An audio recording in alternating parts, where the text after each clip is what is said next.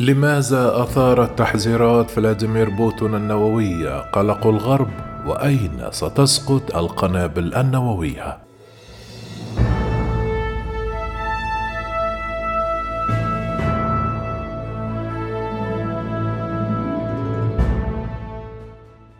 أثار تحذير الرئيس الروسي فلاديمير بوتين الأخير من استعداده لاستخدام أسلحة الردع النووي للدفاع عن روسيا وسط الحرب في أوكرانيا. حذر فلاديمير بوتون من أن الأمر لم يكن خدعة وأن السياسيين والدبلوماسيين وخبراء الأسلحة النووية الغربيون منقسمون. يقول البعض أنه يمكن أن يستخدم سلاحا نوويا تكتيكيا واحدا أو أكثر في محاولة لدرء الهزيمة العسكرية أو حماية رئاسته أو تخويف الغرب أو تخويف كييف ودفعها إلى الاستسلام. تحذير فلاديمير بوتون الذي أعقبه تهديدا أكثر تحديدا باستخدام سلاح نووي في أوكرانيا قد يعني أن الكرملين يفكر في التصعيد بعد أن ضمت روسيا أربعة مناطق أوكرانية تحتلها جزئيا فقط من المتوقع أن يعلن البرلمان الروسي أن المناطق جزءا من روسيا في الرابع من أكتوبر الحالي وبمجرد حدوث ذلك سيكون الطريق واضحا من وجهة نظر موسكو لضربة دفاعية محتملة إذا شعرت أن المنطقة تتعرض لتهديد خطير.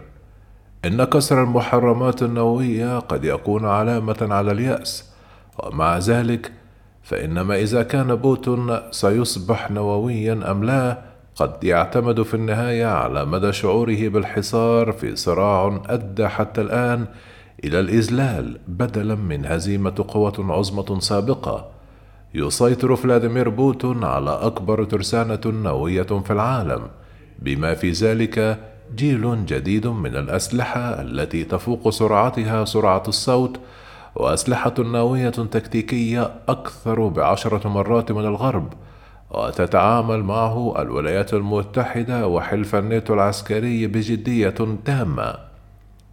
في أحدث تعليقات السفير البريطاني السابق لروسيا لرويترز في أغسطس المنصرم قبل أن يصعد فلاديمير بوتين تحذيراته قال حذر بوتين الغرب صراحة من أن روسيا ستستخدم جميع الوسائل المتاحة للدفاع عن الأراضي الروسية واتهم الغرب بمناقشة هجوم نووي محتمل على روسيا.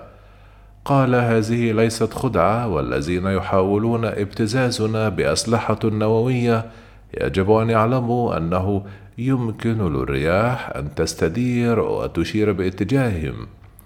يختلف خطاب الكرملين الحد هذا اختلافا كبيرا عن الإشارات النووية الأكثر دقة التي يفضلها القادة السوفيت الراحلون بعد أن دفع نيكيتيا خروتشوف العالم إلى حافة الحرب النووية في أزمة الصواريخ الكوبية وذلك عام 1962 قال مستشار الأمن القومي الأمريكي جاك سوليفان لشبكات التلفزيون الأمريكية يوم الأحد إن إدارة الرئيس جو بايدن تأخذ تصريحات بوتين على محمل الجد. كما حذرت موسكو من عواقب كارثية إذا استخدمت أسلحة نووية. لم توضح واشنطن ردها المحتمل لكن استخدام جهاز نووي قد يؤدي إلى تصعيد نووي. ولهذا السبب يعتقد معظم الخبراء أن هجوما تقليديا ضخما على الأصول العسكرية الروسية سوف يكون مرجحا. ردا على سؤال ما إذا كان بوتين يتجه نحو هجوم نووي قال مدير وكالة المخابرات المركزية الأمريكية ويليام بيرنز لشبكة سي بي إس يوم الثلاثاء المنصرم علينا أن نتعامل بجدية شديدة مع نوع التهديدات التي يقدمها بالنظر إلى كل ما هو على المحك. لكن بيرنز قال إن المخابرات الأمريكية ليس لديها دليل عملي على أن الرئيس الروسي بوتين يتجه نحو استخدام أسلحة نووية تكتيكية وشيكة. إذا أمر بوتين بشن هجوم نووي داخل الأراضي الأوكرانية فسيكون ذلك أول استخدام للأسلحة النووية في المعركة منذ أن شنت الولايات المتحدة الأمريكية هجمات بالقنابل الذرية على مدينتي هيروشيما وناجازاكي اليابانيتين في أغسطس من عام 1945 يمكن نظريا استخدام الأسلحة قصيرة المدى منخفضة القوة التي يتم إطلاقها عن طريق البحر أو الجو أو الأرض ضد الأهداف العسكرية الأوكرانية على الرغم من أن فعاليتها في مثل هذا السيناريو هي مسألة نقاش بين الخبراء العسكريين.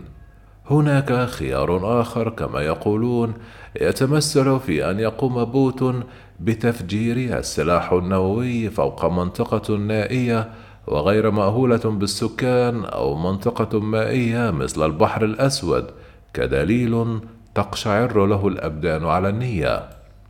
يمكن أن تقتصر التداعيات الإشعاعية لسلاح تكتيكي روسي صغير على حوالي كيلو متر واحد أي حوالي نصف ميل، لكن التأثير النفسي والجيوسياسي سيكون محسوسا في جميع أنحاء العالم. كما صرح ريتشارد كي بيتس أستاذ دراسات الحرب والسلام في جامعة كولومبيا. يلعب بوتين لعبة دجاج عالية المخاطر. إذا اضطررت للمراهنة بالمال فربما أراهن على ثلاثة إلى اثنان أنه لن يصبح نوويا حتى لو شعر باليأس. لكن هذه احتمالات ليست جيدة. في إشارة إلى أن واشنطن تراقب عن كثب الترسانة النووية الروسية. كما أظهرت بيانات تتبع الرحلات الجوية أن الولايات المتحدة الأمريكية نشرت طائرات تجسس تستخدم لتتبع نشاط الصواريخ البالستية بالقرب من الحدود الروسية.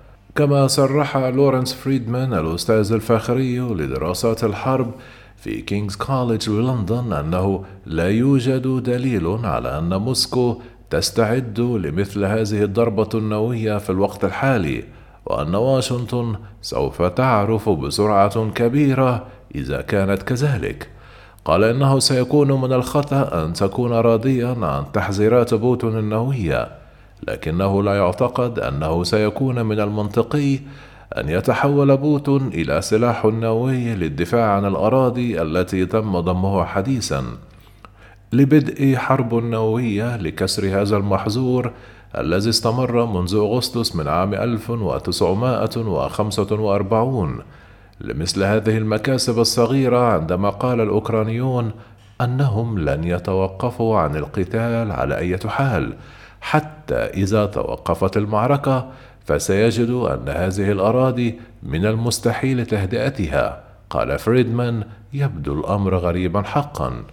كما أضاف أنه بالنظر إلى الطبيعة غير العقلانية لاستخدام السلاح النووي في مثل هذه الظروف فإن التعامل بجدية مع التهديد الذي ينطوي عليه افتراض أنه سيكون فعلا عاطفيا من اليأس من جانب فلاديمير بوتون في موقف شعر فيه بالتهديد.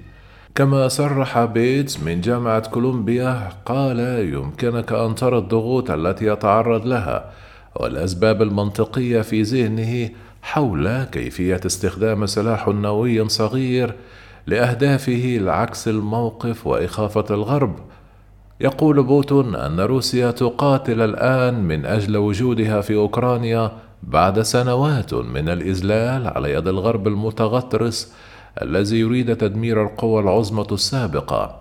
قال بوتون في تحذيره الصادر في 21 من سبتمبر أيلول المنصرم في سياساته العدوانية المعادية لروسيا تجاوز الغرب كل الخطوط الحمراء. تسبب الغزو الروسي لأوكرانيا في مقتل عشرات الآلاف كما تسبب في زيادة التضخم العالمي وتسبب في أسوأ مواجهة مع الغرب منذ ذروة الحرب الباردة. بعد سبعة أشهر تواجه قوات فلاديمير بوتين هجوما مضادا شرسا من القوات الأوكرانية المسلحة والمدربة من قبل الدول الغربية. قال بيتس أنه كلما كان الأمر أفضل بالنسبة لأوكرانيا في ساحة المعركة زادت فرصة أن يصبح بوتين نوويا. تسمح العقيدة النووية الروسية بتوجيه ضربة نووية بعد العدوان على الاتحاد الروسي بالأسلحة التقليدية عندما يكون وجود الدولة ذاته مهددا. يقول صقور الكرملين أن الغرب يحاول الإطاحة ببوتين الذي يتولى السلطة في روسيا منذ عام 1999 كما قال الرئيس الأمريكي جو بايدن في مارس أذار أن بوتين لا يمكنه البقاء في السلطة في تصريحات. قال البيت الأبيض أنها تهدف إلى إعداد الديمقراطيات في العالم لصراع ممتد حول أوكرانيا وليس دعم تغيير النظام في روسيا. وفي مايو المنصرم قال جو بايدن أنه كان يحاول معرفة ما يجب فعله حيال حقيقة أن بوتين لا يبدو أن لديه مخرجا من الحرب. كان الرئيس الأوكراني فلاديمير زيلينسكي قد رفض سابقا التحذيرات الروسية لكنه قال لشبكة سي بي إس أن بوتين قد يكون جادا الآن. انظر ربما بالأمس كانت خدعة الآن يمكن أن تصبح حقيقة.